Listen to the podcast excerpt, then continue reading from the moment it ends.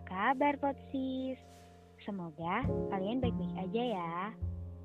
Di Potsis Part 1 ini, kita bakal ngebahas tentang gimana sih rasanya jadi anak pertama.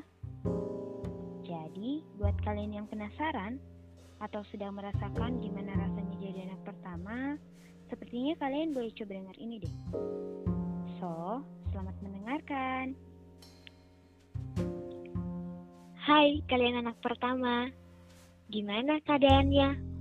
Baik-baik aja kan? Kuharap kalian dalam keadaan baik-baik aja. Oh iya, di Potsis Part 1 ini kita akan bahas tentang gimana sih rasanya jadi anak pertama? Suka duka apa sih yang kita rasain selama jadi anak pertama? Dan pengalaman apa aja sih yang kita dapat selama jadi anak pertama?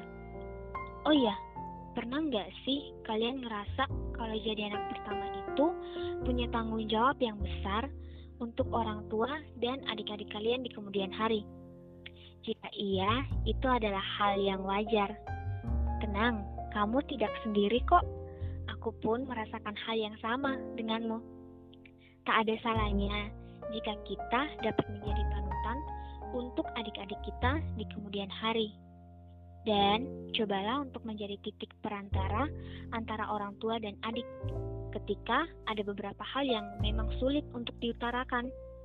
Jujur, kalau aku secara pribadi sangat sulit untuk menyatukan sebuah argumen di mana sosok adikku lebih kekanak-kanakan ketimbang orang tuaku yang cenderung berpikir secara logis. Nah, teruntuk kamu nih anak pertama. Terima kasih ya sudah menjadi titik tengah antara orang tua dan adik-adik kamu. Terima kasih sudah membahagiakan diri sendiri dan orang lain. Dan terima kasih juga karena sudah mampu berjuang sampai saat ini. Semoga podcast kali ini dapat membantu kalian ya. Salam Potsis!